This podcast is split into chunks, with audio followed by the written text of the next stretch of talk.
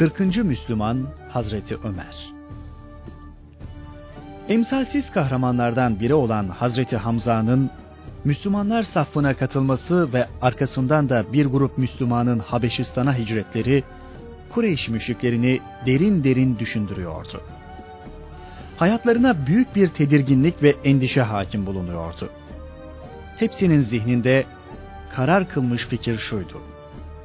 Mutlaka şu Ebu Talib'in yetimi Muhammed'in işi bir an önce halledilmelidir. Bu konuyu görüşmek üzere Darül Nedve'de toplanan Kureyş'in hareketli ve ateşli konuşmalarından sonra Ebu Cehil'in teklifi kabul edildi. Muhammed'in vücudu ortadan kaldırılacaktır. Bu korkunç cinayeti işlemeye kim cesaret edebilirdi? İşin içinde Haşimoğullarının böyle bir hal vukuunda kan davası gütmeleri de söz konusuydu. Bu iş için bazıları büyük vaatlerde de bulunuyordu. Mesela Ebu Cehil, Muhammed'i öldürecek kimseye benden yüz kızıl ve siyah deve, şu kadar altın, şu kadar gümüş gibi vaatlerde bulunuyordu. Kimse bu korkunç kararı tatbik etme cesaretini kendisinde göremiyordu. Ama içlerinde biri vardı. Uzun boylu, iri yapılı, kimseye boyun eğmez, gözünü daldan budaktan sakınmaz, gözü pek biri. Ortaya atıldı. Bunu ben yaparım dedi.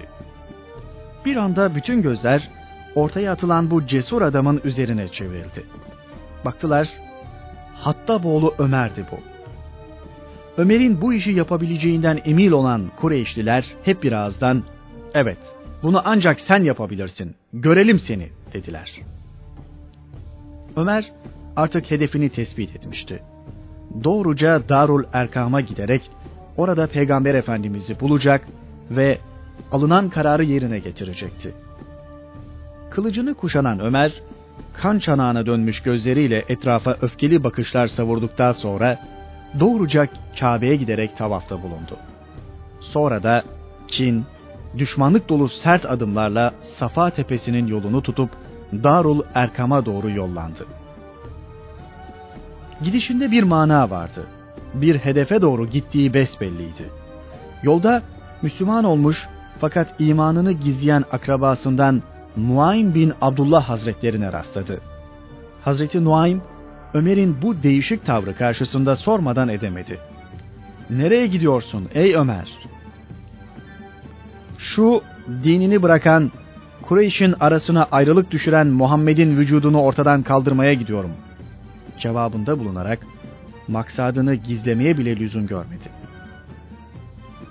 Bu dehşetli karar karşısında tüyleri diken diken olan Hazreti Nuaym, onu bu fikrinden caydırmanın yolunu aradı ve ''Vallahi çok zor bir işe kalkışmışsın.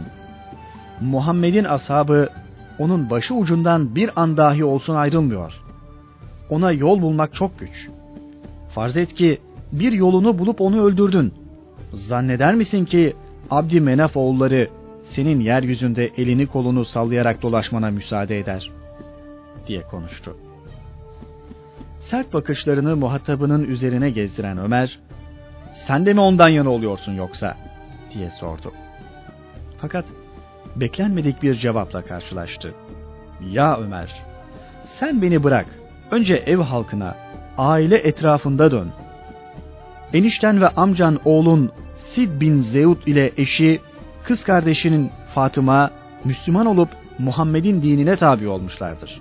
Git önce onlarla uğraş. Ömer'de bir şaşkınlık, bir tereddüt. Duyduklarına önce inanmak istemedi. Hatta araştırma ihtiyacını bile duymaz görünerek yoluna devam etti. Ancak içine düşen şüpheyi yenemedi ve yarı yolda fikrini değiştirerek kız kardeşinin evine doğru döndü. Bu sırada fedakar sahabi Habbab bin Eret, Hazreti Said ile annesi Hazreti Fatıma'ya yeni nazil olan Taha suresini okumaktaydı. Evinin önüne yaklaşan Ömer bu sesi duydu. Kapıyı hiddetli hiddetli bir iki defa çaldı. Açılmadığını görünce omuz verip kapıya yüklendi ve hışımla içeri daldı.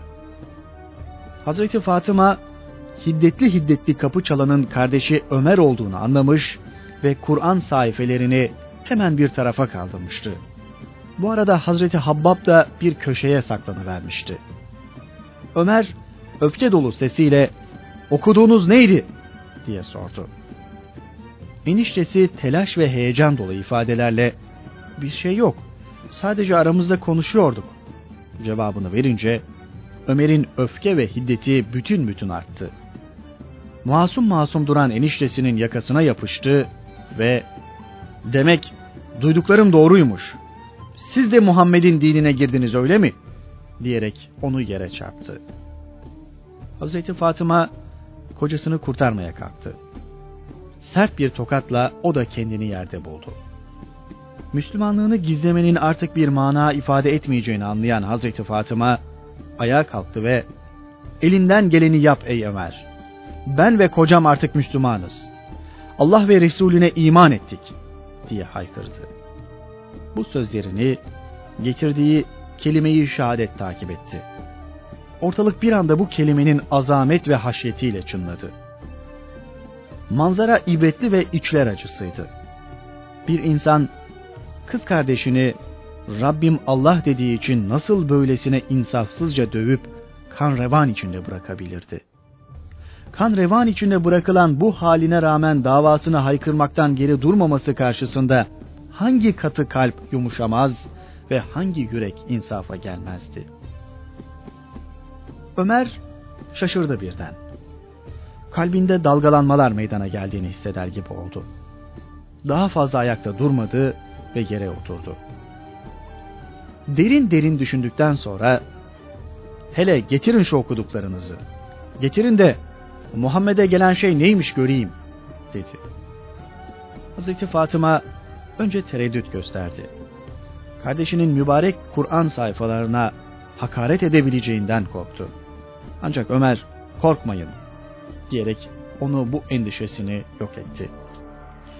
Kur'an sayfaları ancak temiz kimselere verilebilirdi. Halbuki Ömer henüz şirk üzere bulunuyordu. Dolayısıyla da manen temiz sayılmıyordu. Bunun için Hazreti Fatıma, kardeşim sen Allah'a şerik koşulan bir inanç üzere bulunduğun için temiz sayılmazsın. Halbuki ona ancak temiz olanlar el sürebilir. Kalk önce bir yıkan. Hazreti Ömer kalkıp gusletti. Bunun üzerine Hazreti Fatıma koyduğu yerden Kur'an sayfasını hürmetle alıp ona verdi. Hazreti Ömer katipti. Okuma yazma bilirdi. Eline aldığı sayfayı başından okumaya başladı. Taha Ey Resulüm! Biz sana Kur'an'ı eziyet çekesin diye indirmedik. Ancak Allah'tan korkan kimseye bir öğüt için, arzı ve yüce gökleri yaratandan yavaş yavaş bir indirilişle onu Kur'an'ı indirdik. Taha suresi 1 ila 4. ayetler. Ömer hem okuyor hem de okudukları üzerinde düşünüyordu. Kur'an'ın ebedi ve edebi belagatı karşısında şaşkına dönmüştü. Sanki az evvel kılıcının kabzasına yapışıp Peygamber Efendimizin vücudunu ortadan kaldırmaya giden Ömer o değildi. Kalbindeki katılık, yüzündeki öfke yok vermişti. Az evvel kan çanağını andıran gözleri şimdi aydınlık saçıyordu. Yüzüyle beraber içi dökülüyordu. Surenin gerçekten ben Allah'ım, benden başka hiçbir ilah yoktur. Onun için bana ibadet et ve beni anmak için namaz kıl Taha suresi 14. ayetini okuyunca haykırdı. Bu ne güzel, ne şerefli, ne haşmetli bir kelam. Bu kelamdan daha güzel, daha tatlı bir kelam olamaz.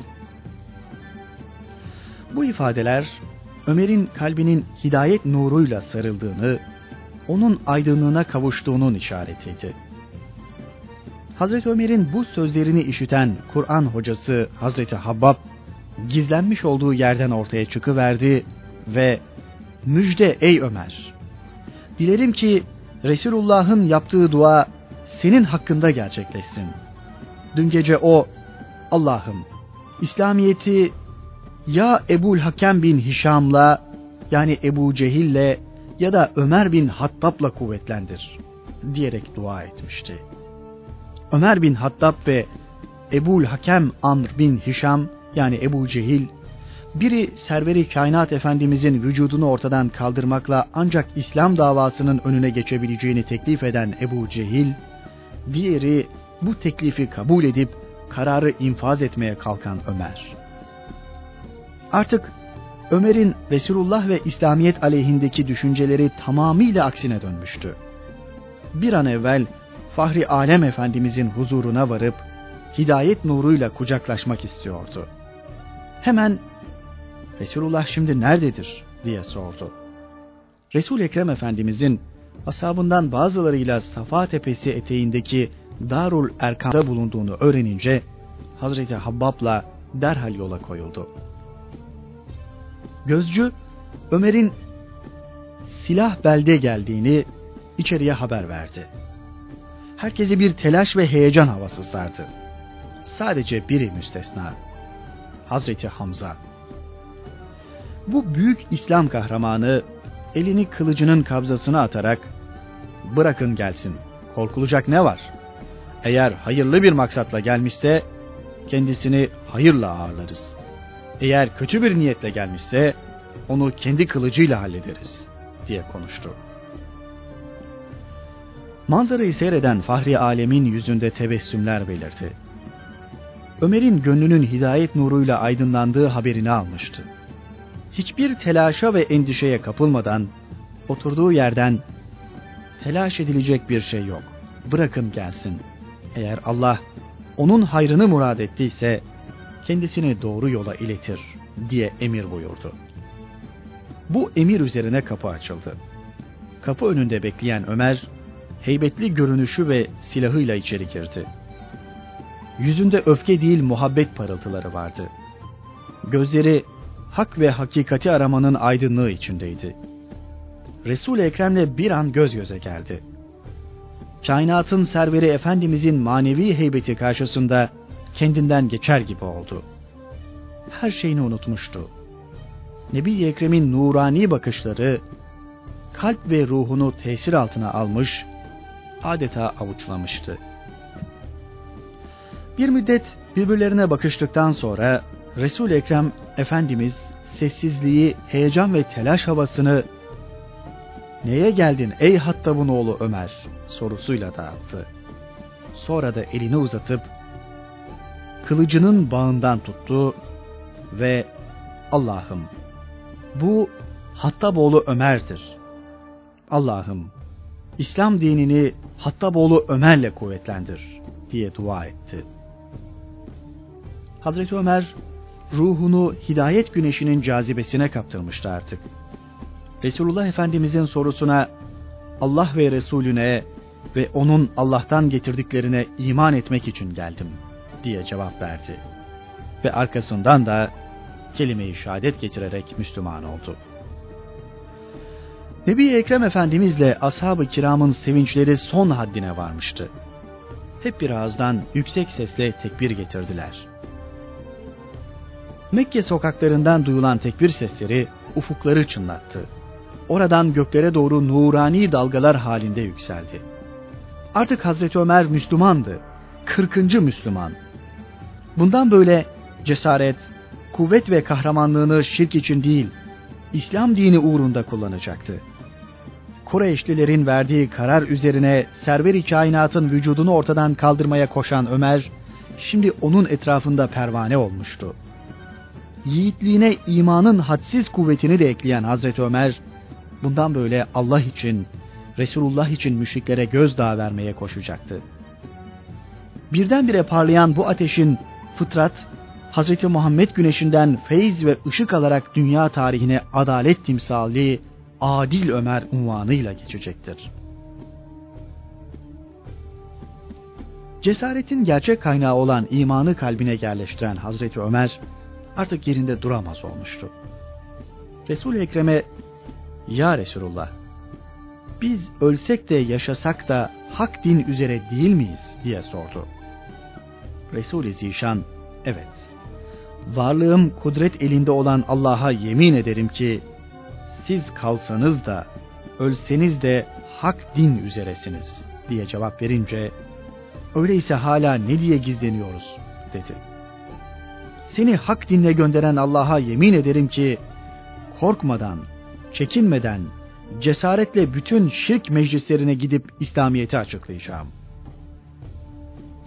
Bunun üzerine Resul-i Kibriya Efendimiz önde, sağında Hazreti Ömer, solunda Hazreti Hamza, diğer sahabiler arkalarında Darül Erkam'dan çıkarak Kabe'ye doğru yol aldılar. Vakur adımlarla Mescid-i Haram'a girdiler. Hazreti Resulullah'ın başını bekleyen müşrikler bu manzara karşısında şaşırıp kaldılar. Şaşkın, ürkek ve korkak bakışlarla bir Hazreti Ömer'e, bir Hazreti Hamza'ya bakıyorlardı. Bir ara cesaretlerini toplayarak, ''Ey Ömer, arkanda ne var, neyle geldin?'' diye sordular. Hazreti Ömer, ''La ilahe illallah, Muhammeden Resulullah'la geldim.'' dedi ve ilave etti. ''Kimse yerinden kımıldamasın, yoksa boynunu vururum.'' Müşriklerin sesi sedası kesildi. Sanki dilleri tutulmuştu. Resul-i Kibriya Efendimiz serbestçe Kabe'yi tavaf etti ve namaz kıldı. Müslümanlar da açıktan açığa namaz kıldılar. Hazreti Ömer der ki, işte o zaman Allah Resulü hak ile batıl olanın arasını ayırdı diye bana Faruk adını taktı. Önce Hazreti Hamza'nın arkasından Hazreti Ömer'in Müslüman olması, İslam'ın inkişafı ve Müslümanların müşriklerin baskılarından sıyrılarak ibadetlerini serbestçe ifa etmeleri hususunda büyük bir rahatlık sağladı. Bu bakımdan bilhassa Hazreti Ömer'in müminler safında yer almasının İslam tarihinde önemli bir yeri vardı. Bu ehemmiyeti asaptan Abdullah bin Mesud Hazretleri, Ömer'in Müslüman olması İslamiyet için bir fetih Müslümanlar için bir şeref ve izzetti. Medine'ye hicreti nusret, halifeliği de rahmet oldu. Ömer Müslüman oluncaya kadar bizler Kabe avlusunda açıktan açığa namaz kılamıyorduk diyerek ifade etmiştir.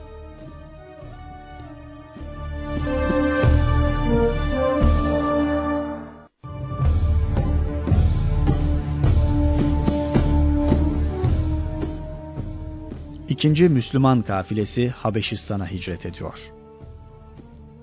Habeşistan'a hicret eden ilk Müslüman kafilesi, daha önce de belirttiğimiz gibi ülkenin hükümdarı tarafından iyi karşılanmış, dini ibadetlerini serbestçe ve gönül huzuru içinde ifa edebilme imkanına kavuşmuşlardı. Bu duruma haber alan Resul-i Ekrem Efendimiz, Mekke'de kalan Müslümanlara da Habeşistan'a hicret etmelerini tavsiye buyurdu. Resul-i Ekrem'in amcası Ebu Talib'in oğlu Hazreti Cafer'in başkanlığında Habeş ülkesine doğru yola çıkan ikinci kafile, önceki kafileden daha kalabalıktı. Onu kadın, 92 kişilik bu topluluk da sağ salim, sırf dinlerini emniyet altına almak, ibadetlerini huzuru kalple ifa edebilmek gayesiyle Mekke'den ayrılıp Habeş ülkesine vardılar. Müslümanlar göç ederken Peygamber Efendimiz her şeye rağmen Mekke'den ayrılmadı. Müşriklerin eziyet ve işkencelerine göğüs germeye devam etti. Cenab-ı Hakk'ın hıfz ve inayeti altında kutsi ve ulvi hizmetlerini sürdürdü. Kureyş müşrikleri Müslümanların ard arda Habeş ülkesine hicret etmelerinden telaşa kapıldılar. Gurbet diyarında da garip Müslümanların peşini bırakmak niyetinde değillerdi. İslamiyet'in bu gibi ülkelerde de yayılması ve artık karşısına çıkılamayacak bir kuvvet haline gelmesi endişesini taşıyorlardı. Zira Müslümanlar Habeş hükümdarından himaye gördükleri takdirde Arabistan'ın İslam sinesine koşması daha da kolaylaşabilirdi.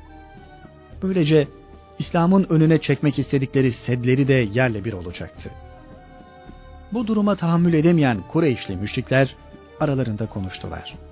Sonunda elçiler gönderip hicret eden Müslümanları Habeş hükümdarından geri istemeye karar verdiler. Elçi olarak da Amr bin As ve Abdullah bin Ebi Rabia'yı vazifelendirdiler. Planları şuydu.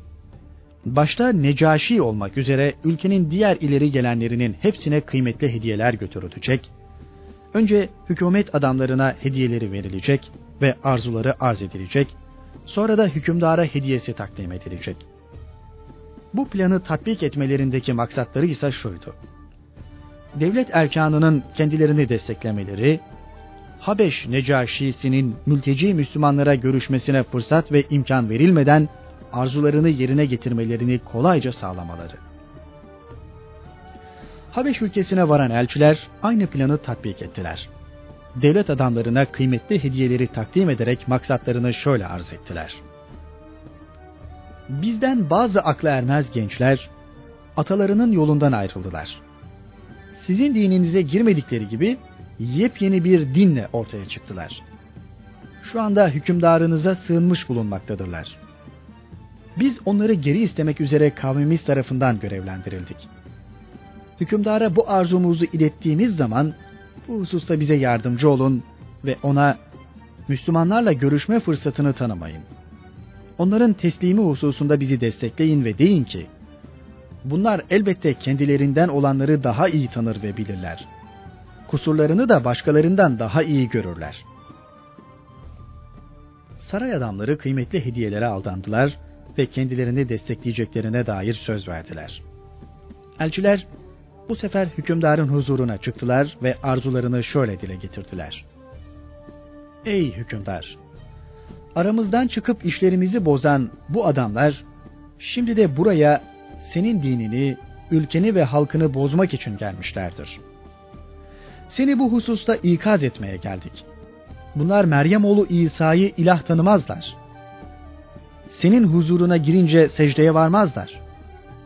Sen onları bize iade et, biz onların hakkından geliriz. Görüldüğü gibi elçiler isteklerini gayet kurnazca ifade ediyorlardı.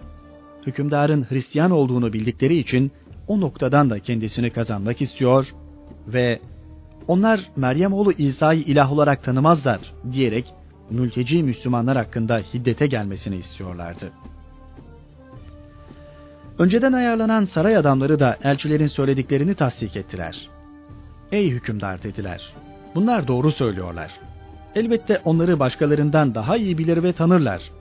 Hangi kusurlarının olduğunu da daha iyi görürler. Onları kendilerine teslim edelim. Yurtlarına, kavimlerine geri götürsünler.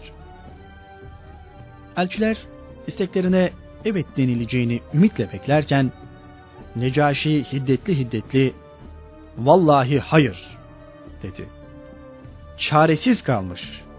Yurduma gelip yerleşmiş, beni başkalarına tercih etmiş kimseleri ben hiçbir kimseye teslim etmem. Onlarla görüşmeden, onların fikirlerini almadan hiçbir zaman kararımı vermem. Eğer iş bu elçilerin dedikleri gibi ise onları kendilerine teslim eder, kavimlerine geri çeviririm. Şayet iş bunun aksi olursa kendilerini korur, en güzel şekilde gözetirim. Daha sonra Necaşi, Müslümanların yanına gelmesi için davetçi gönderdi.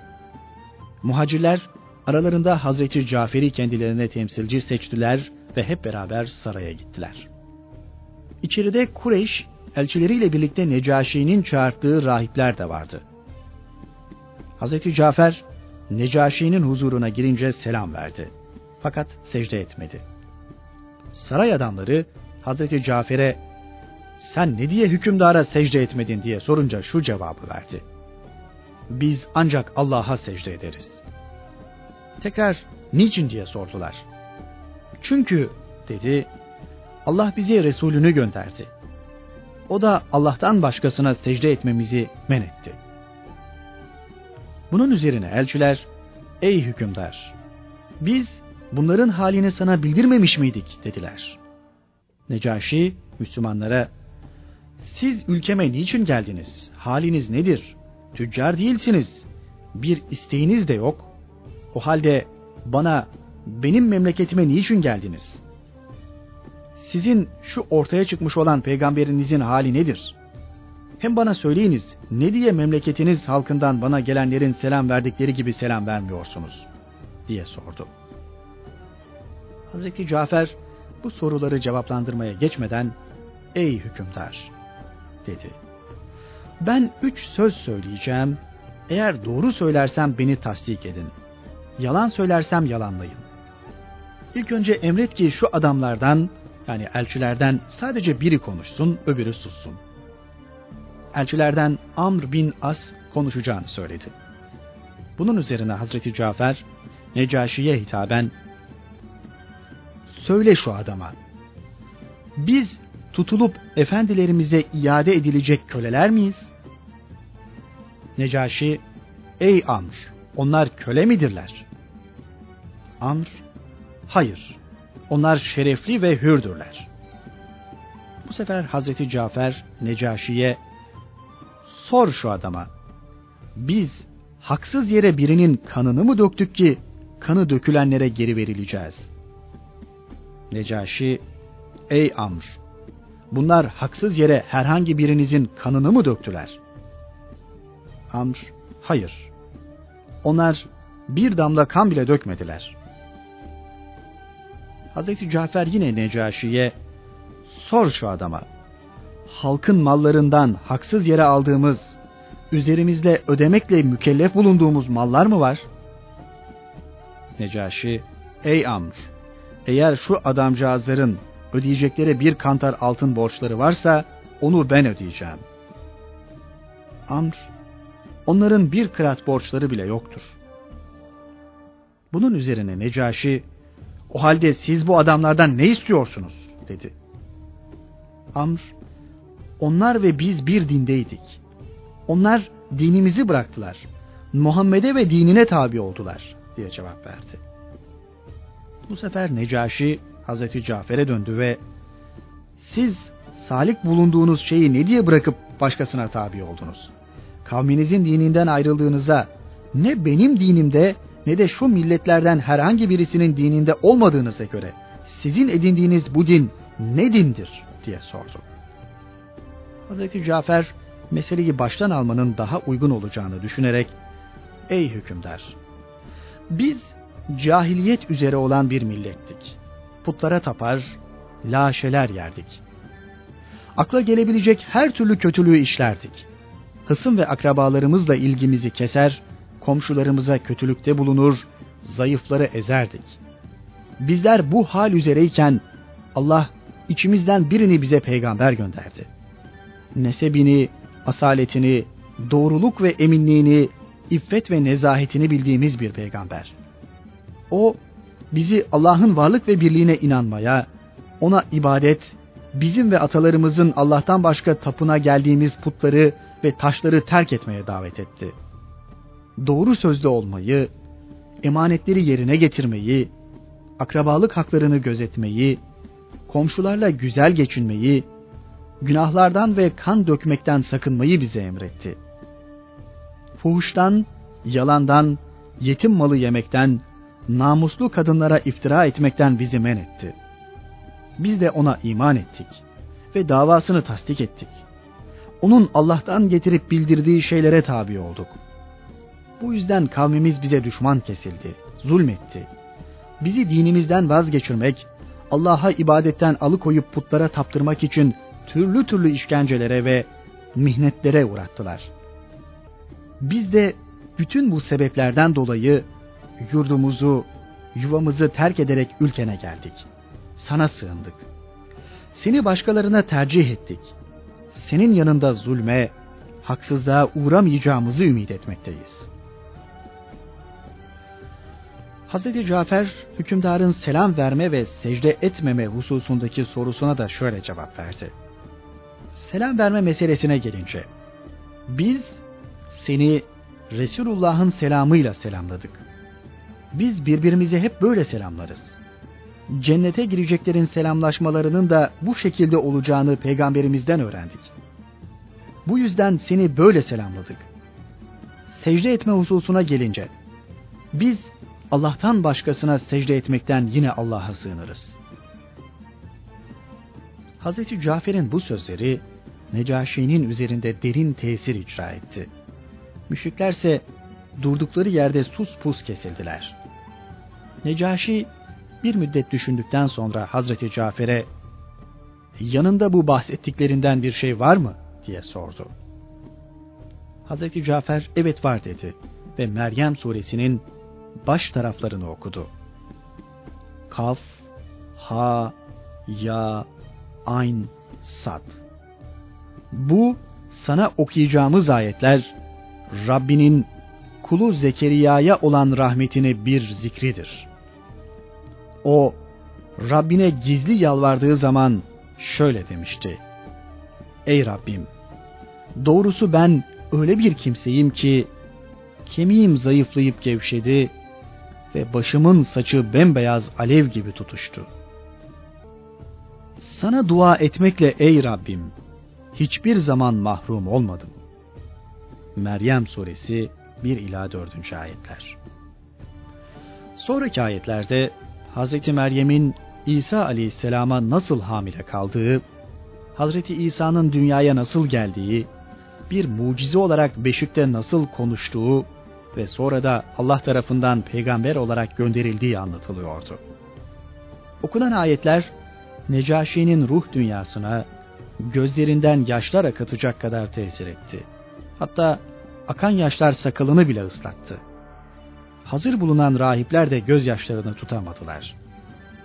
Kur'an-ı Kerim'in manevi cazibesine kapılan iç alemi bir nebze teskin olduktan sonra Necaşi, Vallahi bu aynı kandilden fışkıran bir nurdur ki Musa da İsa da onunla gelmişti. Bu haklı itirafından sonra da müşrik elçilere dönerek Vallahi ben ne onları size teslim ederim ne de onlar hakkında herhangi bir kötülük düşünürüm dedi. Necaşi'nin bu beklenmedik kararı karşısında elçilerin boyunlarını bükerek sarayı terk etmelerinden başka çareleri kalmadı. Buna rağmen elçiler bilhassa Arapların siyaset dahisi kabul ettikleri Amr bin Az bu işin peşini bırakmayacağını söyledi ve yeni bir taktik uygulamaya karar verdi. Ertesi gün tekrar Necaşi'nin huzuruna çıkarak Müslümanların Hazreti İsa hakkında çok garip şeyler söylediklerini anlattı. Hükümdar yine Müslümanlarla konuşmayı uygun buldu ve onları yanına çağırdı. Temsilci olan Hazreti Cafer'e Hazreti İsa hakkında ne düşünüyorsunuz diye sordu. Hazreti Cafer şu cevabı verdi. Biz Hazreti İsa hakkında peygamberimizin bize Allah'tan getirilip bildirdiğini söyleriz. O Allah'ın kulu, Resulü ve Allah'ın sair ruhlar gibi yarattığı ve gönderdiği bir ruhtur. O dünyadan ve erkekten vazgeçen iffetli bir kız olan Meryem'e ilka edilmiş olan Allah'ın bir kelimesidir. Yani Cenab-ı Hakk'ın kün emriyle babasız dünyaya gelmiştir. Meryem oğlu İsa'nın hali ve şanı bundan ibarettir. Müslümanların Hazreti İsa hakkındaki bu kanaatleri Necaşi'yi oldukça sevindirdi. Eline bir çubuk aldı ve yere bir çizgi çizerek bizimle sizin aranızda bu hususta şu çizgi kadarcık bir fark var. Zaten biz de onu sizin söylediğinizden başka bir şekilde telakki etmiyoruz dedi. Elçiler Necaşi'nin himayeden vazgeçmesini beklerken bu himayesini daha da güçlendirdiğini görünce bir kere daha hayal kırıklığına uğradılar. Necaşi Müslümanlara da sizi ve yanında geldiğiniz zatı tebrik ederim ki o Allah'ın Resulüdür. Zaten biz onun vasıflarını kitabımız olan İncil'de okumuştuk. O peygamberi Meryem oğlu İsa'da insanlığa müjdelemişti. Allah'a yemin olsun ki eğer o ülkemde bulunmuş olsaydı ayakkabılarını taşır, ayaklarını yıkardım dedi. Hak ve hakikati görüp idrak eden Necaşi, peygamberimizin risaletini tasdik eden sözlerinden sonra bundan böyle Müslümanlara karşı takınacağı tavrı da şu sözleriyle ifade etti. Gidiniz, ülkemin el sürülmemiş kısmında her tecavüzden mahfuz, emniyet ve huzur içinde yaşayınız. Size kötülük eden helak olur. Bu sözlerini üç kere tekrarladı. ben sizden herhangi birinizi üzüp de bir dağ kadar altına sahip olacağımı bilsem, yine de buna teşebbüs etmem. Necaşi'nin bu kesin ve kararlı sözlerinden sonra, elçilere elbette gerisin geri Mekke'ye dönmekten başka bir şey kalmamıştı. Hatta Necaşi kendilerine getirdikleri hediyelerini bile iade etti. Bu haberi duyan Kureyş müşrikleri büyük bir sarsıntı geçirdiler. Korktukları başlarına gelmiş sayılırdı.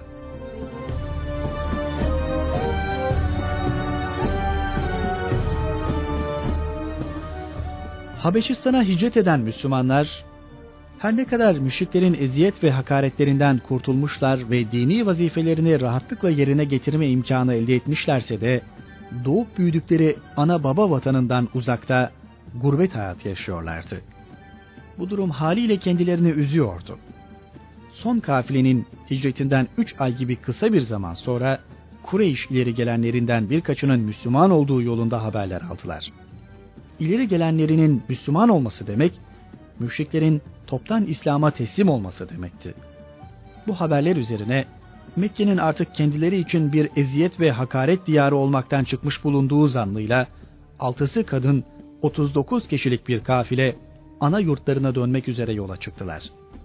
Ancak Mekke'ye yaklaştıklarında bu haberin asılsız olduğunu öğrendiler. Ne var ki artık geri dönmek bir hayli zordu. Mekke'ye girebilmek içinse ya müşrik olan akraba ve dostlarının himayesine sığınmaları veya kimseye görünmemeleri gerekiyordu. Şehre serbestçe girmeye kalkmaları kendilerini düşmanın insafsız ellerine teslim etmek olurdu. Bu bakımdan muvakkat da olsa bir kısmı müşrik akraba ve dostlarının himayesine sığınmayı tercih ettiler. Bir kısmı ise himayeye lüzum görmeden gizlice şehre girdiler. Bu arada Habeş ülkesine geri dönenler de oldu. Bunlar Müslümanların Medine'ye hicretlerine kadar orada kaldılar. Sonra bir kısmı hicretin hemen akabinde Medine'ye gelip Müslümanlara katıldılar. Bir kısmı ise uzun müddet Habeşistan'da ikamet ettiler. Mekke'ye yerleşenler Medine'ye hicrete kadar buradan ayrılmadılar. Müşriklerin her türlü eziyet ve işkencelerine imanlı göğüslerini siper ederek iman, küfür mücadelesinde azimle sebat ettiler.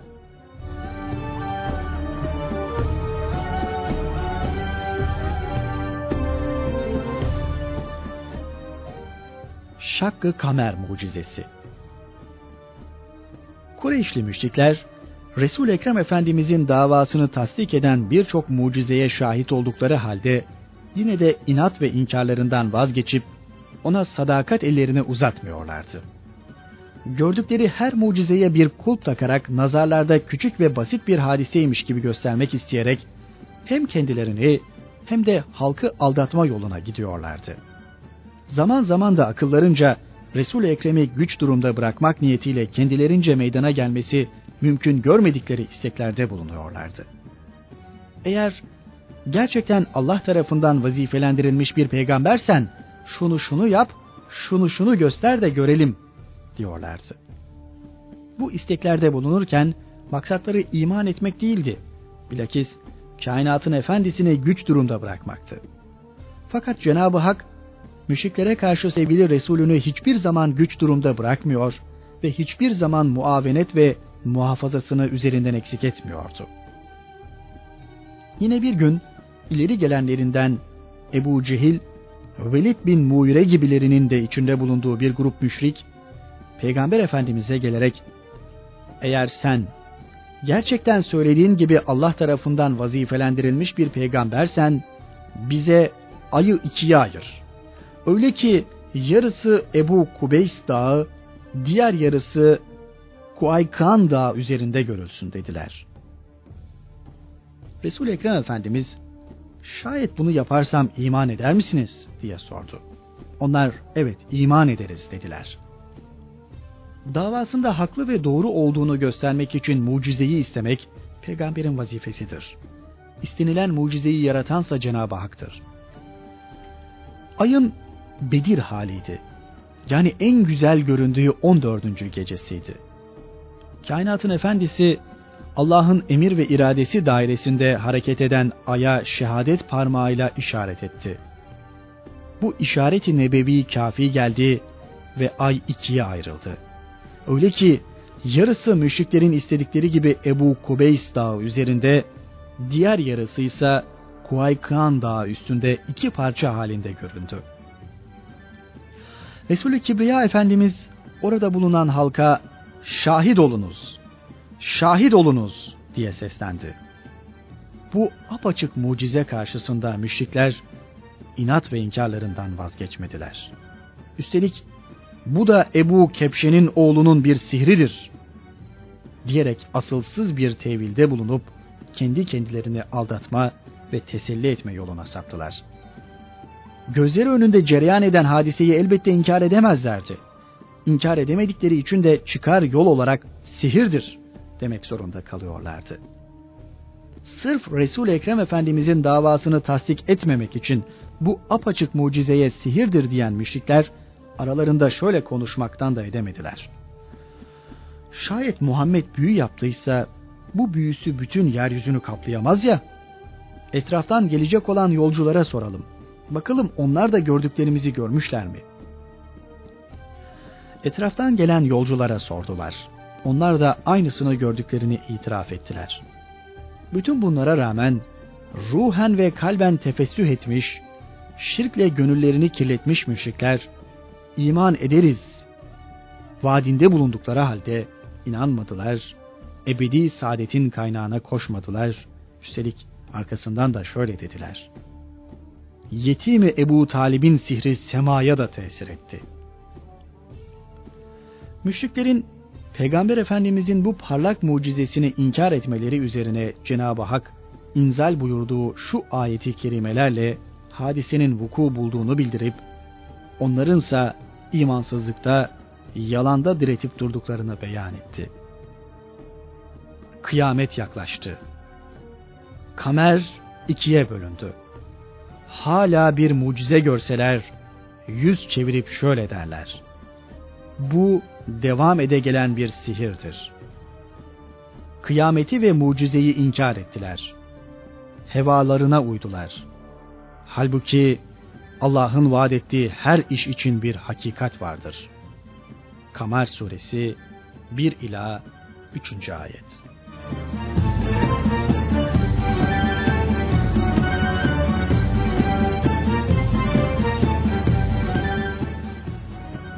Hazreti Ebu Bekir'in Übey bin Halef'le bahse girişmesi.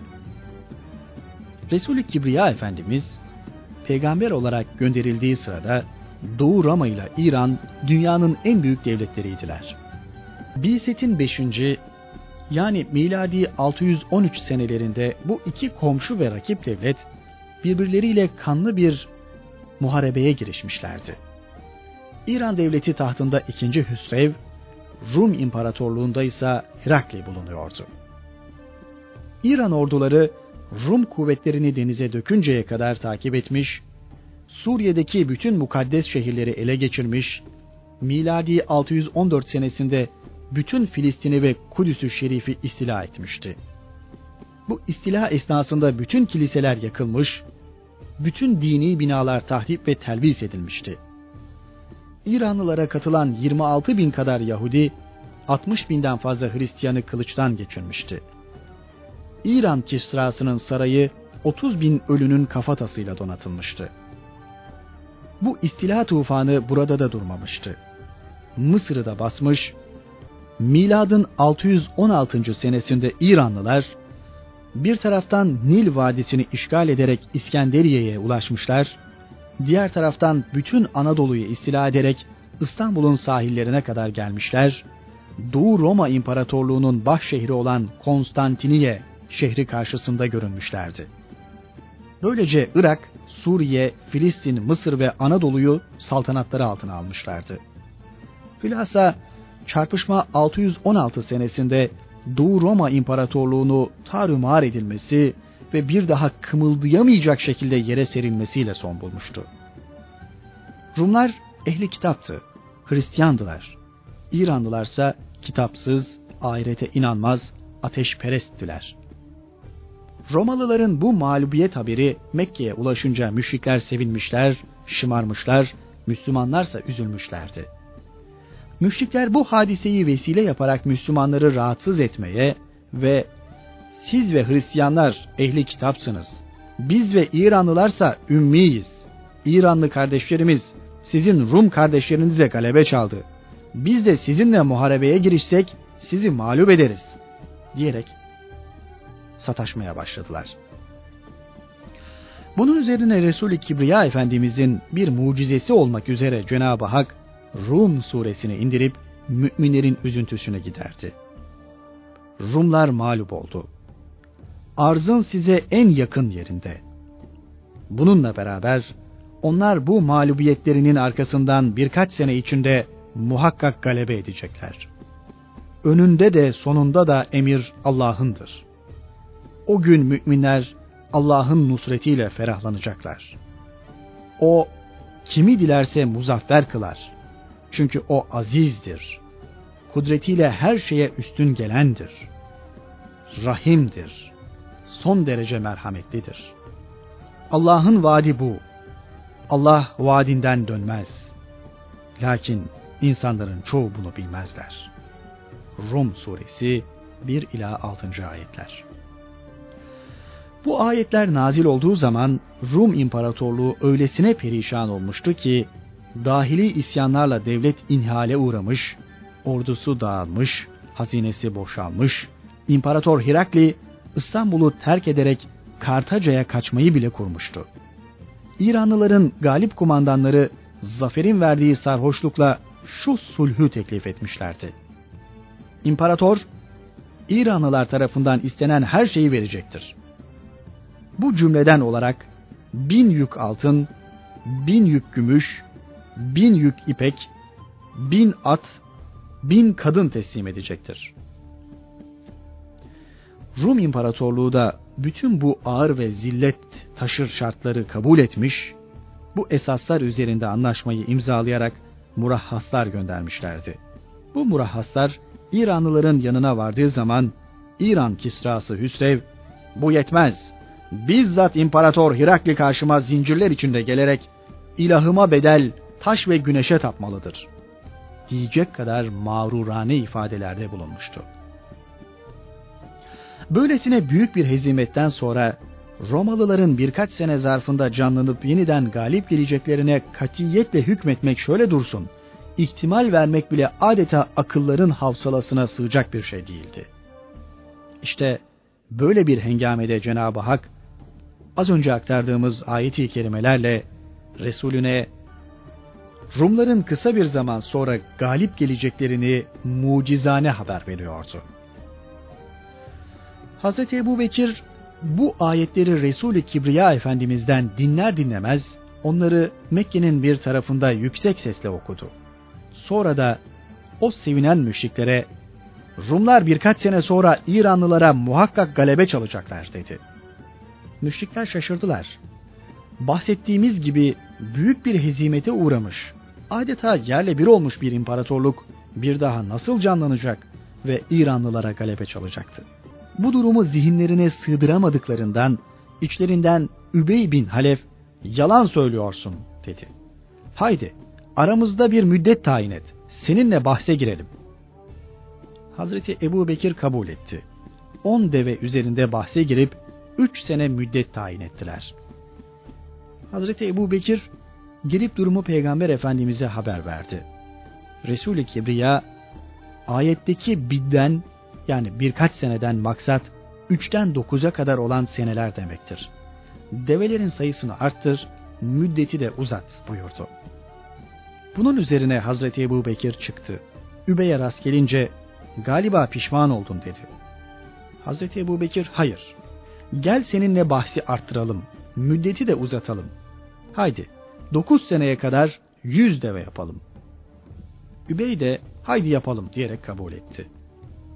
Hazreti Ebu Bekir Mekke'den ayrılacağı sırada Übey bin Halef boğazına sarıldı ve sen Mekke'den ayrılırsan bahiste kazanacağım develeri ödemeyeceğinden endişe duyuyorum.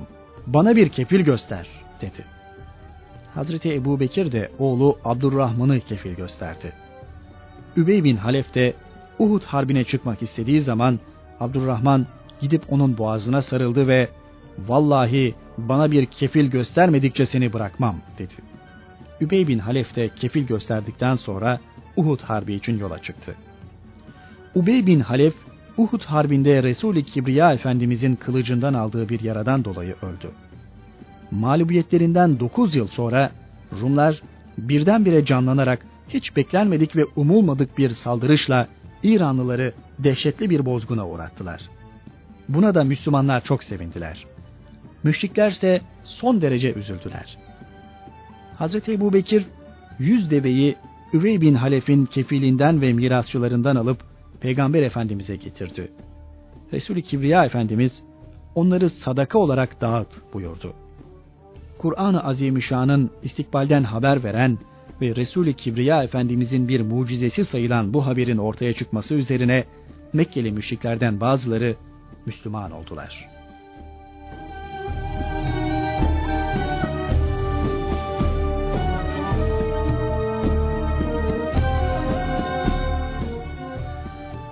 Müslümanlara karşı boykot. Bu tarihe kadar İslam'ın inkişafına mani olmak gayesiyle müşrikler tarafından girişilen her teşebbüs akim kalmıştı. Üstelik İslamiyet daha da hızlı inkişafı kaydediyordu. Müslümanların sayısı günden güne her türlü şiddet ve mukavemete rağmen artıyor ve İslam'ın nuru Mekke dışındaki kabileleri de kucaklamaya başlıyordu. Hazreti Ömer ve Hazreti Hamza gibi iki kahraman İslam safına katılmış bulunuyordu. Hazreti Ömer önceki halin tam tersine İslam davasını bütün güç ve gayretiyle benimsemiş, adeta İslam'ın sağ kolu olmuştu. Bu durum Müslümanlara cesaret ve moral verirken müşrikleri ise fazlasıyla sarsmış ve onları derinden derine düşündürmüştü. Diğer taraftan Kureyş müşrikleri Necaşi'nin ülkesine sığınmış bulunan Müslümanları geri alma işini de başaramamışlardı. Hükümdar Ashame mülteci Müslümanları geri vermediği gibi onları koruyacağına dair de söz vermişti. Bütün bunlar Kureyş müşriklerini son derece tedirgin edip endişeye sevk ediyor ve yeni kararlar almaya, yeni planlar tertiplemeye zorluyordu. Müşrikler işkence yapmakla, şiddet göstermekle kimseyi dininden çeviremeyeceklerini, İslam'ın ilerleyip yayılmasına engel olamayacaklarını anlamışlardı. Nasıl ki akıl almaz işkence ve zulümlere rağmen tek bir Müslüman dahi dininden dönmemişti. Şu halde bütün bunların dışında başka bir siyaset takip etmeleri gerekiyor ve bu yolda karar almaları lazım geliyordu. Öyle yaptılar. Vakit geçirmeden bir araya geldiler. Uzun uzadıya düşünüp tartıştıktan ve aralarında müşavere ettikten sonra gerek Müslüman ve gerekse gayrimüslim olsun Haşimoğullarının tamamıyla münasebetlerini kesmeye karar verdiler. İttifakla aldıkları bu kararın maddelerini de bir sayfa üzerine şöyle tespit ettiler. 1. Haşim ve Muttalip oğulları ailelerinden kız alınmayacak. 2. Haşim ve Muttalip oğulları ailelerine kız verilmeyecek. 3. Haşim ve Muttalip oğullarına hiçbir şey satılmayacak. 4. Haşim ve Muttalip oğullarından hiçbir şey satın alınmayacak. Bu karara akıllarınca kutsi bir mahiyet vermek için de yazılı sayfayı Kabe duvarına astılar. Ayrıca bu karara aykırı davranmayacaklarına dair and içtiler. Bu boykot, Haşim ve Muttalip oğullarının vücudunu ortadan kaldırmaya ve köklerini kazımaya müteveccihti. Bu durum karşısında Haşim ve Muttalip oğulları aileleri artık dağınık bir şekilde ayrı ayrı semtlerde oturamazlardı. Ebu Leheb hariç Mekke'nin kuzey tarafında bulunan Şibbi Ebu Talip, Ebu Talip mahallesi denilen yere topluca taşındılar. Artık bu mahalle sakinleriyle bütün münasebetler kesilmişti. Kazara oraya gidenler olsa ağır bir şekilde azarlanıyorlardı. Müşrikler boykota uğrayanların toplandıkları mahalleye yiyecek içecek namına bir şey sokmuyorlardı. Sadece hac mevsiminde dışarı çıkıp alışverişte bulunmalarına sözde müsaade ediyorlardı. Sözde diyoruz. Çünkü o zaman da çarşı pazarda köşe başlarında durarak onlara bir şey aldırmamak için ellerinden gelen her türlü engellemeyi yapıyorlardı. Hatta zaman zaman satıcıları onlara mal satmamak için tehdit bile ediyorlardı. Bazen de bin bir türlü dalavere ve hileye başvurarak satıcıların ellerinden mallarını alıp boykota uğrayanlara bir şey bırakmamaya çalışıyorlardı. Ebu Leheb, Haşimoğullarından olmasına rağmen öz kardeşlerinin, kısım ve akrabalarının açlıktan ölmesini istiyor ve bu hususta elinden gelen her türlü gayreti gösteriyordu. Mekke'ye yiyecek maddeleri getiren kervanları şehrin dışında karşılıyor ve ''Ey tacirler, Haşimoğullarına bir şey satmayın. Fiyatları yüksek söyleyin ki almaya güçleri yetmesin. Benim servet sahibi olduğumu bilirsiniz. Söz verdiğim zamanda mutlaka sözümü yerine getiririm. Yiyecek, giyecek mallarınızın kıymetini bir kat arttırın. Üst tarafını ben öderim.'' diyor ve Müslümanların açlıktan feryat eden çocuklarının yanına boş dönmelerine sebep oluyordu. Çocukların açlıktan gelen acıklı ve yürek parçalayıcı feryatlarına müşrikler kulaklarıyla birlikte gönüllerini de tıkamışlardı. Taşları parçalayacak raddeye varan bu feryatlardan adeta emsalsiz bir zevk alıyorlardı. Bu hadise imansızlığın, inkar ve küfrün insanı hem cinsine karşı dahi olsa ne kadar merhametsiz ve gaddar bir duruma getirdiğinin ibretli bir misalidir. Boykota uğrayanlar dışarıdan fazla bir şey alamadıklarından haliyle şiddetli bir açlık ve kıtlıkla karşı karşıya kaldılar. Öyle ki bazıları yiyecek bir şey bulamadıklarından ağaç yaprakları, hatta orada burada ele geçirdikleri kuru deri parçalarını ateşe tutup yemeye başladılar.'' Bununla birlikte Müslümanların bu haline acımayanlar da yok değildi. Bir gün Hazreti Hatice'nin kardeşinin oğlu Hakim bin Hizam bir deve yükü un göndererek onu şibbedeki sıkıntıdan kurtarmaya çalışmıştı. Yine bir gün kölesinin sırtına buğday yükletip halası Hazreti Hatice'ye götürüyordu. Yolda Ebu Cehil'e denk geldi. Ebu Cehil ona sen Haşim oğullarına yiyecek götürüyorsun öyle mi? Vallahi gidemezsin. Gitmeye kalkarsan bu hareketini Mekke'de açıklayıp seni rezil ederim dedi. Sırada Ebu Bahteri yanlarına çıka geldi ve Ebu Cehil'i muhayize ederek sana ne oluyor? Halasına bir miktar buğday götürmek isteyen bir insana mani olmak doğru değildir diye konuştu. Ancak Ebu Cehil inat ve ısrarından vazgeçmiyordu. Bunun üzerine Ebul Bahteri ile birbirlerine girdiler. Ebul Bahteri eline geçirdiği bir deve çenesi kemiğiyle vurup onun başını yardı ve üzerine çullanıp yumruklamaya başladı. Yine bu meyanda akrabalık gayretiyle Haşim oğulları ve Müslümanlara yardımını esirgemeyenlerden biri de Hişam bin Amr bin Haris'ti. Birkaç kere müşriklerden habersiz Şib'de bulunanlara develerle yiyecek götürmüştü boykota uğrayanların ihtiyaçlarını gidermek için başta Peygamber Efendimiz olmak üzere Ebu Talip ve Hazreti Hatice var yoklarına harcadılar. Fakat yine de onları açlık ve kıtlıktan kurtaramadılar. Şimdi korkunç bir hüküm sürmeye başlamıştı. Bütün bunlar niçin yapılıyordu? Tek bir şey için. Peygamberimiz Hazreti Muhammed'i teslim almak. Müşrikler bu tarz bir tatbikatla maksatlarına erişeceklerini zannediyorlardı. Ne var ki hadise tamamen arzularının aksine tecelli etti.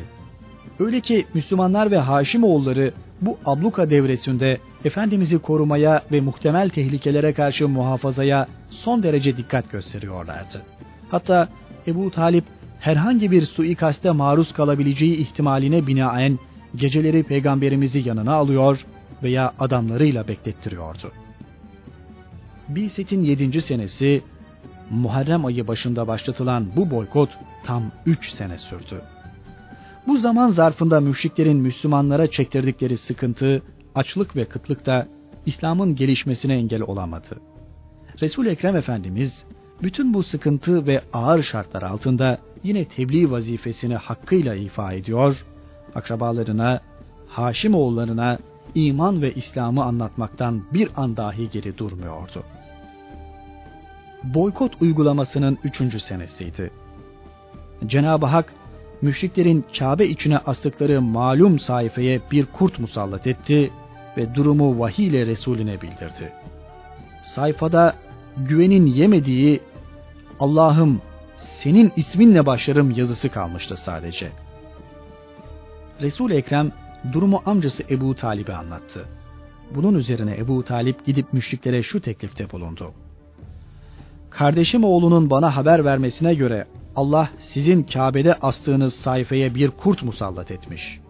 Ve Allah lafzı dışında bulunan zulüm, akrabalarla münasebeti kesme ve iftira gibi ifadeleri yiyip bitirmiştir. Kabe'ye gidip sayfaya bakınız. Eğer yeğenim doğru söylemişse bu zulüm ve kötü davranışınızdan vazgeçiniz. Eğer haşa yalan söylemişse ben onu size teslim edeceğim.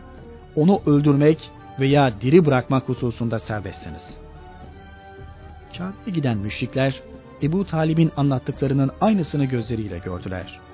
Hayret içinde kalmalarına rağmen yine de Efendimizin bir mucizesi olarak kabul etmediler ve bu da bir sihirdir diyerek nura gözlerini kapadılar. Bununla birlikte bu hadise boykot havasının şiddetini bir derece kırdı. Boykot kararının aleyhinde hatırı sayılır birkaç kişi de ortaya çıkınca Biset'in 10. yılında miladi 619 senesinde Kureyş'in hudut tanımaz inat ve küfürlerinin eseri olan bu uygulama ortadan kaldırıldı. Kararın feshedildiği halka duyuruldu ve boykotun yazılı bulunduğu sayfa yırtılıp atıldı. Böylece müşrikler vazgeçilmez bir karar olarak vasıflandırdıkları zulüm ve dalalet kokan bir karardan da dönmüş oluyorlardı. Bu şirkin iman önünde mağlubiyetinin açıkça bir kere daha ilanıydı. Bu üç senelik muhasara öylesine şiddetli ve sıkıntılı geçmişti ki resul Ekrem Efendimiz bu hadiseyi seneler sonra bile unutmamıştı. Mekke'nin fethine geldikleri sırada Mina'dan Mekke'ye ineceği zaman ertesi gün inşallah varacağımız yer Kinane oğullarının yurdu yani muhassap olacaktır ki burada Kureyş ve Kinane oğulları küfür ve inkar üzerine söz ve fikir birliği yapmışlardı diyerek o acı günleri ashabına hatırlatmıştı.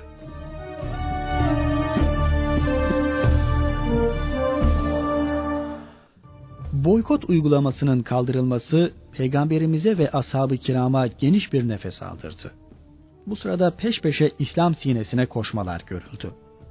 İslam'a gönül verenler arasında 20 kadar Hristiyan da vardı. Bunlar Habeşistan'a hicret etmiş Müslümanlardan Peygamberimiz ve İslamiyet hakkında duyduklarını yerinde araştırmak için Mekke'ye gelmişlerdi. Kabe'nin yanında Peygamber Efendimizle buluşan Hristiyan grup birçok soru sordu. Sorularına mükemmel cevap alınca sevindiler. Daha sonra Resul-i Ekrem kendilerini Allah'ın birliğine imana davet etti. Kur'an okudu. Kur'an'ın azameti karşısında gönülleri İslam'a karşı muhabbetle doldu. Gözyaşları arasında 20'si birden orada İslamiyetle müşerref oldu. Hadise Kureyşli müşrikleri fena halde kızdırdı. Putperestlerin Müslüman olmasını engellemeye çalışırken şimdi de Hristiyanlar kendi ayaklarıyla gelip İslamiyete giriyorlardı. Başta Ebu Cehil olmak üzere bir kızım müşrik, onların yolunu keserek binbir hakaretten sonra Allah belanızı versin. Sizler bu adamın ne dediğini öğrenmek için buraya gönderilmişken onunla düşüp kalktınız ve sonunda dininizden ayrılıp ona uydunuz. Bu düpediz bir ahmaklıktır dediler.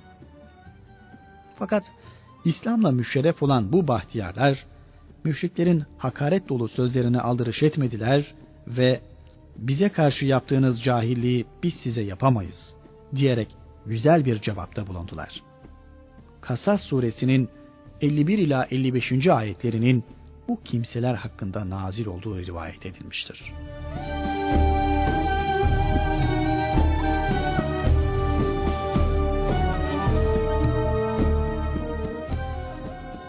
Efendimiz'e yapılan ilahi ikaz.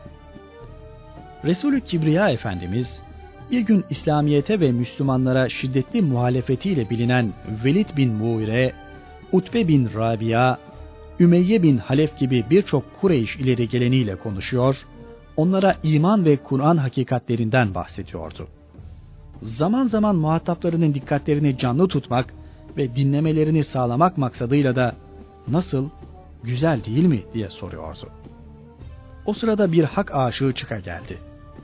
Maddi gözden mahrum fakat mana gözü açık bu zat Hazreti Hatice'nin dayısının oğlu asaptan Abdullah bin Ümmi Mektum idi. Ama olduğundan Peygamber Efendimizin kimlerle konuştuğunun farkında değildi. Ya Resulullah beni irşad et, bana Kur'an okut, Allah'ın sana öğrettiklerinden bana bir şeyler öğret dedi. Efendimizin bütün dikkatini Kureyş ileri gelenleri üzerine İslamiyet'i anlatmak için teksif ettiğini fark edemediğinden bu arzusunu birkaç sefer tekrarlayıp durdu. Peygamber Efendimiz bu durumdan sıkıldı ve rahatsız oldu. Onunla pek ilgilenmedi. Zira o her zaman gelip kendisinden İslamiyetle ilgili her şeyi öğrenebilirdi. Ama Kureyş müşriklerinin ulularını bir daha böyle toplu halde bulma imkanını elde edemeyebilirdi. Onların İslamiyet'i kabul etmeleri veya düşmanlıklarından vazgeçmeleri ise Kureyş'in toptan Müslüman olması manasına geliyordu. İşte bu sebeple Fahri Alem Efendimiz dikkatinin dağıtılmak istenişinden rahatsız olmuştu ve bunu haliyle de ishar etmişti. Resulü Kibriya Efendimiz Kureyş ileri gelenleriyle konuşmasını bitirip kalkacağı sırada vahiy geldi. Gözlerini kapayıp daldı. Abese suresi nazil oldu. Surede Efendimizin davranışından bahis de şöyle buyruluyordu. Peygamber hoşlanmadı ve yüzünü çevirdi. Kendisine o ama geldi diye. Ne bilsin belki o cehalet kirinden temizlenecek yahut öğüt alacaktı da öğüt kendisine fayda verecekti. Ama malıyla Allah'a ihtiyaç göstermeyene gelince sen ona dönüp sesine kulak veriyorsun. Onun İslamiyeti kabul etmeyip temizlenmemesinden sana ne? Ama sana can atarak gelen Allah'tan korkmuş iken sen ondan yüz çeviriyorsun. Hayır, sakın bir daha böyle bir harekette bulunma. Çünkü o Kur'an bir öğüttür. Artık dileyen ondan öğüt alır. Abese suresi 1 ila 12. ayetler. Evet, kalplerinden şirkin pisliğini iman suyuyla gidermek istemeyen, Kur'an'ı dinlemek arzusu duymayan, ondan istifadeyi düşünmeyen kimselerin İslamiyet'e girmemesi ve nefsini temizlememesi Resul-i Kibriya'nın üzerinde bir mesuliyet yüklemiyordu. Çünkü onun vazifesi sadece İslam'ı hakkıyla tebliğiydi. Ancak hak ve hakikati öğrenmek arzusunu izhar eden bir Müslümandan yüz çevirmek ona bilmediği hakikatleri öğretmemek, arzusuna cevap vermemek işte böylesine ikazı gerektiriyordu. Cenab-ı Hak konuyla ilgili indirdiği ayeti kerimelerde manen şöyle diyordu. Zahir gözü görmese de kulağı ve kalp gözü açık hidayet aşığı birini bırakıyorsun da zahiren gözü bulunan ve fakat kalp gözü kör, hak sözü dinlemek şanında olmayan müstanilerle uğraşıyorsun. Bu hadise ve ikazdan sonra Resul-i Ekrem Abdullah İbni Ümmi Mektum'u her gördüğünde ona ikram ve ihsanda bulunur, ihtiyacı olup olmadığını sorar ve merhaba ey Rabbimin bana itap ve ikazda bulunmasına sebep olan kişi diyerek iltifat ederdi.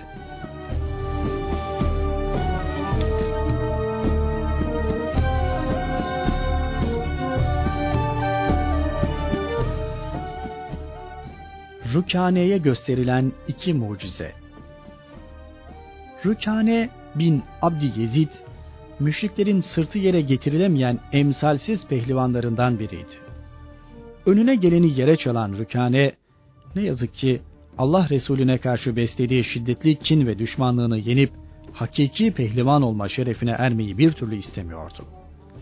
Bu meşhur pehlivan günün birinde Hazreti Resulullah'la Mekke'nin bir vadisinde karşılaştı. gözleri husumet kıvılcımları saçıyordu. Allah Resulü, ''Ey Rükane, sen kendisine imana davet ettiğim Allah'tan korkmaz mısın?'' dedi. Rükane, ''Eğer sözünün gerçek olduğuna kanaat getirseydim sana tabi olurdum.'' cevabını verdi. Resul-i Ekrem, ''Eğer seni yere vurursam, söylediklerimin hak olduğuna inanır mısın?'' diye sordu. Rükane, ''Ya Muhammed, eğer beni yıkacak olursan sana iman ederim. Bunun üzerine Peygamber Efendimiz kalk haydi güreşelim dedi. Güreşmek için kalktılar. Mağrur Rükane daha ilk tutuşta kendini yerde buldu. Neye uğradığının farkına varamadı. Şaşkındı. Derhal ayağa kalktı ve Resulullah Hazretlerine bir daha güreş teklif etti. Allah Resulü kabul etti ve Rükane ikinci defa kendisini yerde buldu. Hayret ve şaşkınlığı biraz daha artan Rükane, üçüncü defa Resulullah'a güreş teklifinde bulundu. Efendimiz yine kabul etti ve onu tuttuğu gibi yere vurdu. Beni yıkarsan söylediğinin hak olduğuna inanırım diyen, Resulullah'a söz veren Rükane, üç sefer sırtı yere geldiği halde yine şirkte inat etti ve ''Ya Muhammed, şüphesiz sen bir sihirbazsın. Benimle yaptığın bu güreşe doğrusu şaştım kaldım.'' Böylece Resulullah'tan gördüğü mucizeyi sihir ithamıyla perdelemeye çalıştı. Küfürde direnen Rükane bu sefer Allah Resulü'nün bir başka mucizesine şahit oldu. Doğrusu ben seninle yaptığım bu güreşe şaştım kaldım deyince Allah Resulü bundan daha çok şaşılacak olanı da var. İstersen sana onu da göstereyim de Allah'tan kork, davetime tabi ol dedi. Rükane nedir o şaşılacak şey dedi. Allah Resulü şu semure ağacını çağırayım. Bana geldiğini gör dedi. Rükane haydi çağır da gelsin dedi. Allah Resulü azılı müşrikin gözü önünde semure ağacını emretti. Allah'ın izniyle bana gel. Ağaç emre uyarak yeri yara yara gelip Fahri kainatın karşısında durdu gözleri fal taşı gibi açılan Rükani'nin kalp gözü hala kapalı duruyordu. Bu açık mucizeler karşısında yine küfürde inat etti ve doğrusu ben bugünkü gibi büyük bir sihir hayatımda görmedim dedi. Sonra da ağacın tekrar yerine gitmesi için emir vermesini Peygamber Efendimiz'den istedi. Allah Resulü ağaca Allah'ın izniyle yerine dön diye emretti. Ağaç derhal yerine döndü. Bundan sonra Resulullah Efendimiz Rükane'yi tekrar Müslüman olmaya davet etti. Ancak o küfürde inat etti ve davete icabet etmedi. Bunun üzerine Resulullah'ın kendisine son sözleri şunlar oldu. Yazıklar olsun sana.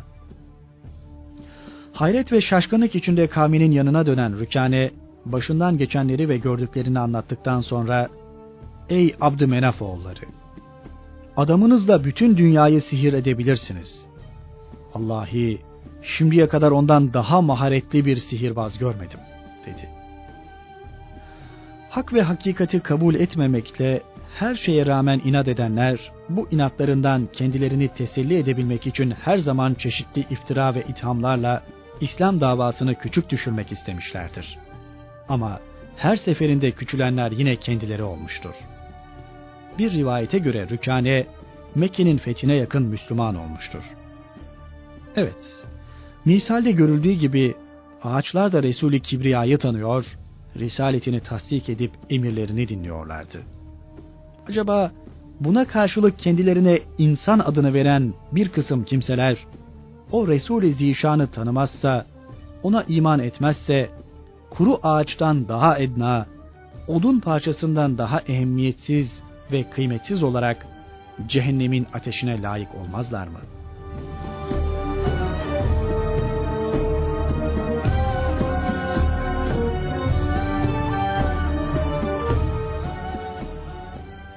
Peygamberimizin erkek çocuklarının vefatı.